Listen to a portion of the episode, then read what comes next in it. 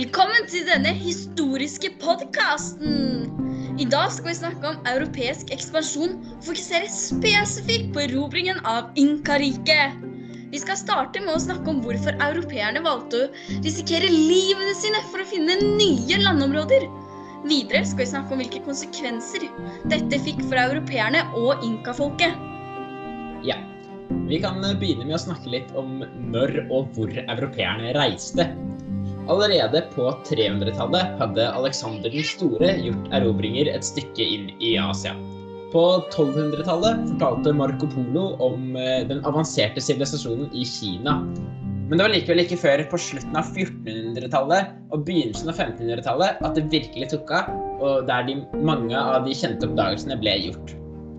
Det mest kjente årstallet er kanskje 1492, da Christoffer Columbus i hermetegn fant Amerika i jakten på sjøveien til India. Litt av grunnen da, til at ekspansjonen skjedde på denne tiden, var jo de teknologiske forutsetningene. Eh, eh, fram til 1400-tallet så hadde jo ikke europeerne noe skip som var egnet til å reise over Atlanterhavet.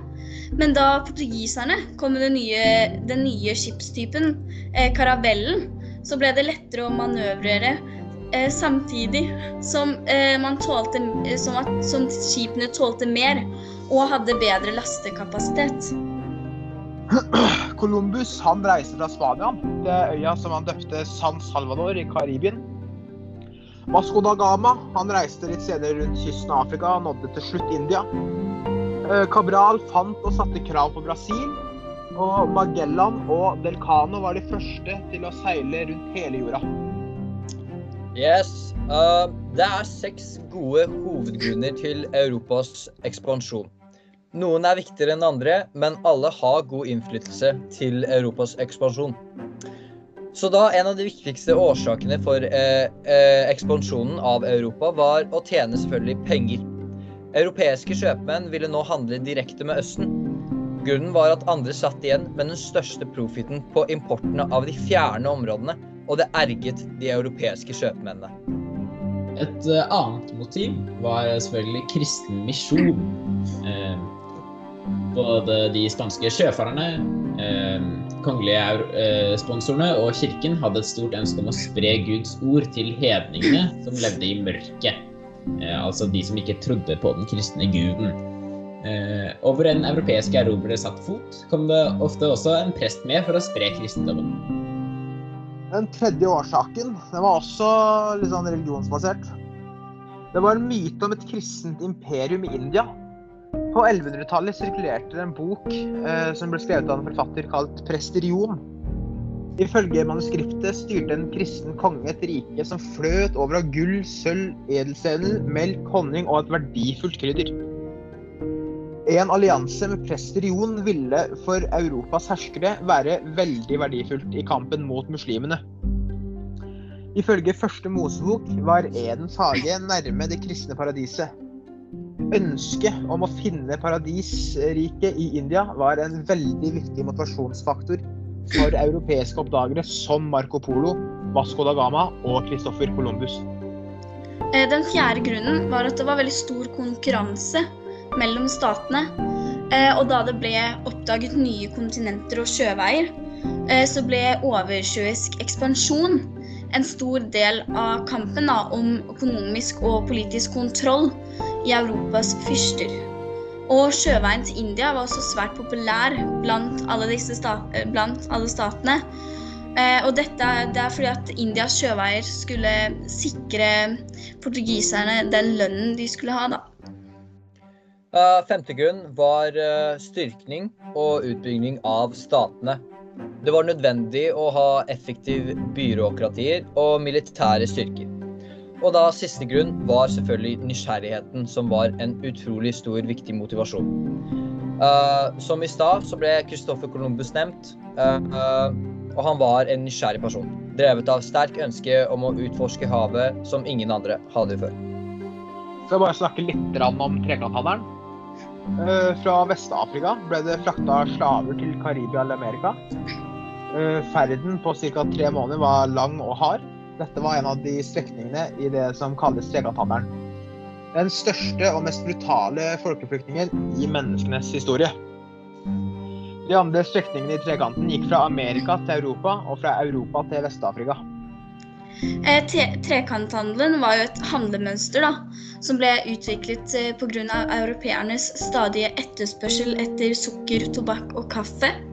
Og for å tjene noen penger da, på alle disse etterspørsel etterspørslene, eh, så satte de i gang produksjon av råvarer i plantasjer i Karibien og Amerika. Og der vokste det veldig mye, og, og da fikk de mye av det. Eh, det er særlig to skjedde spanske erobringer. Erobringen av Asteterriket og erobringen av Inkariket. Uh, nå skal vi snakke litt om Inkarikets fall. Francisco, Francisco Pizarro fikk i 1530-årene dronning Isabellas tillatelse til å invandere Inkariket på vegne av da Spania. Imperiet, med en befolkning på rundt 8 millioner, eh, strekte seg gjennom Andesfjellene fra dagens Ecuador i nord til Chile i sør. Riket hadde blitt svekket av en borgerkrig, og da de spanske soldatene nådde fram til keiseren, ble de omrigget av inkahær på rundt 80 000 menn. Ja. Pizarro var selvfølgelig smart og skjønte at han ikke hadde sjans mot den enorme inkahæren. Derfor inviterte han istedenfor keiseren hjem til spanjolenes leir. Der satte en dominikansk munk i gang å forkynne det kristne budskapet for keiseren. Eh, Det likte ikke inkakeiseren i det hele tatt. Han eh, kastet fra seg Bibelen som han fikk utdelt, og det så Pizarro på som en, en veldig stor fornærmelse. Det kunne han ikke akseptere. Eh, Da bestemte Pizarro seg for å skyte på soldatene som eh, hadde samlet seg rundt møteplassen. Eh, Da skjøt han med kanoner. De drepte omtrent, eh, 2000 mennesker før de til slutt kidnappet keiseren. Uten keiseren, som var et veldig viktig overhode for samfunnet, så ble riket rett og slett brutt sammen. Inkaene klarte ikke å, å, å opprettholde det uten en sterk leder. Spanjolene tok da over riket og fikk de fleste inkaene til å jobbe under seg. Eh, Så skal vi snakke litt om konsekvensene de fikk for inkaene, og konsekvensene de fikk for spanjolene. Det er jo etablert allerede at eh, inkaene fikk veldig lite positive konsekvenser ut av det her, mens spanjolene stort sett eh, hadde det ganske greit. Ja, altså inkaene de eh, mistet jo utrolig mye. Og eh, altså de mistet jo mye av landområdene sine. Og altså Det var jo status for dem. Eh, også spesielt he hellige områder eh, som de tilbød gudene deres. Absolutt. Det var, jo, det var jo en viktig del av deres kultur. Det var jo ofring, eh, tilbedelse av gudene.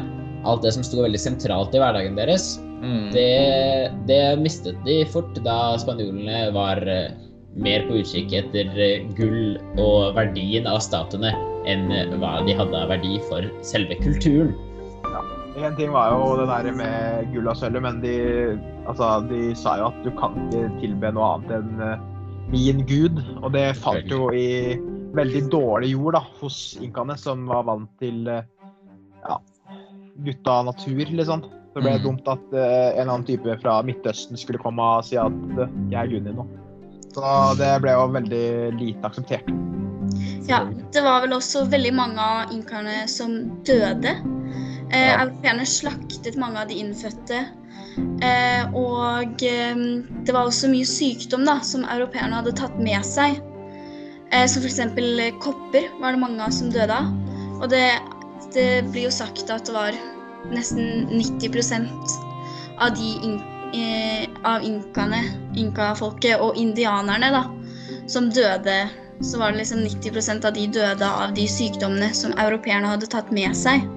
Ja, Riktig. De hadde jo ikke- Ja, nei, ja, nei du kan ta det, du, da. de hadde jo ikke immunforsvar eh, som var tilpassa de sykdommene i det hele tatt. Det var jo eh, helt nytt for dem. Ja. Mm, mm. Og de få som overlevde òg, ble jo da brukt som eh, slaver da, i, i gull- og sølvgruvene. Ja. Riktig. Stemmer. Så Det var generelt dårlig stemning at eh, spanjolene kom. Mens for spanjolene så var det jo egentlig Bare positivt. De tjente jo megasummer med penger eller Mm. på gull og sølv. Det estimeres vel at det var rundt 600 milliarder eh, ja, av dagens eh, økonomi da, med norske kroner de fikk ut av det her eh, gull- eh, og sølvrushet deres i Sør-Amerika. Som er helt sjuke mengder med penger. Ja. Det var jo likevel sånn at ikke alt gikk direkte til Spania, faktisk. En god del ble brukt i Kina, både direkte som gaver til Kina, men også i handel med Kina. Så mye at en liten historie fra det er at Kina etter hvert da gikk ifra å ta inn skatten sin eh, fra Naturalia, som de gjorde tidligere, eh, til å kreve det inn i sølv. Eh, og da ble det jo sånn at alle kinesere måtte skaffe seg en jobb som de kunne på en måte tjene sølv, da. Um, Mm. og det, det styrta egentlig økonomien der ganske greit, det sølvet som de fikk eh, fra spanjolene. Så det var ikke bare, bare konsekvenser for Spania, faktisk.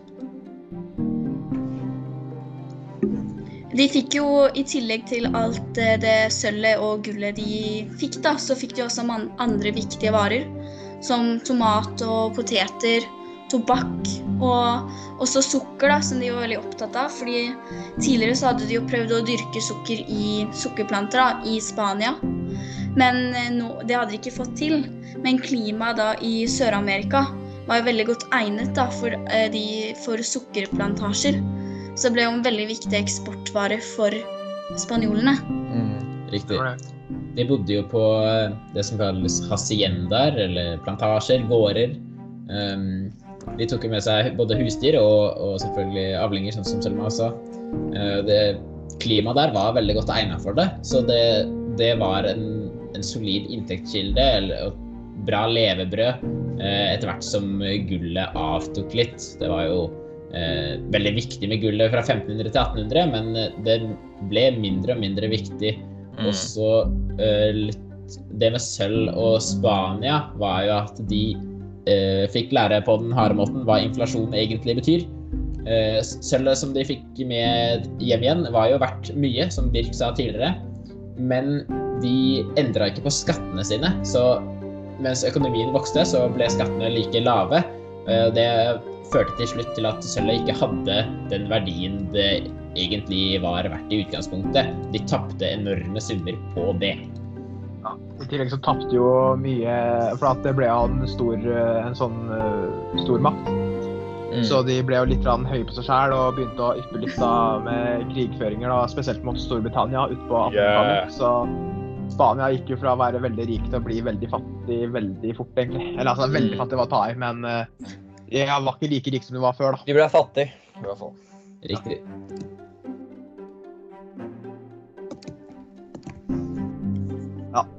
Eh, da eh, har vi fått eh, en liten eh, beskjed på øret fra vår hovedsponsor Kristin Brevei om at eh, tida nå begynner å renne sakte, men sikkert ut. Så vi takker for oss, takker for oppmerksomheten, takk for at du ville høre på. Eh, så ses vi neste gang. Adios. Ha det, bro! Ha det!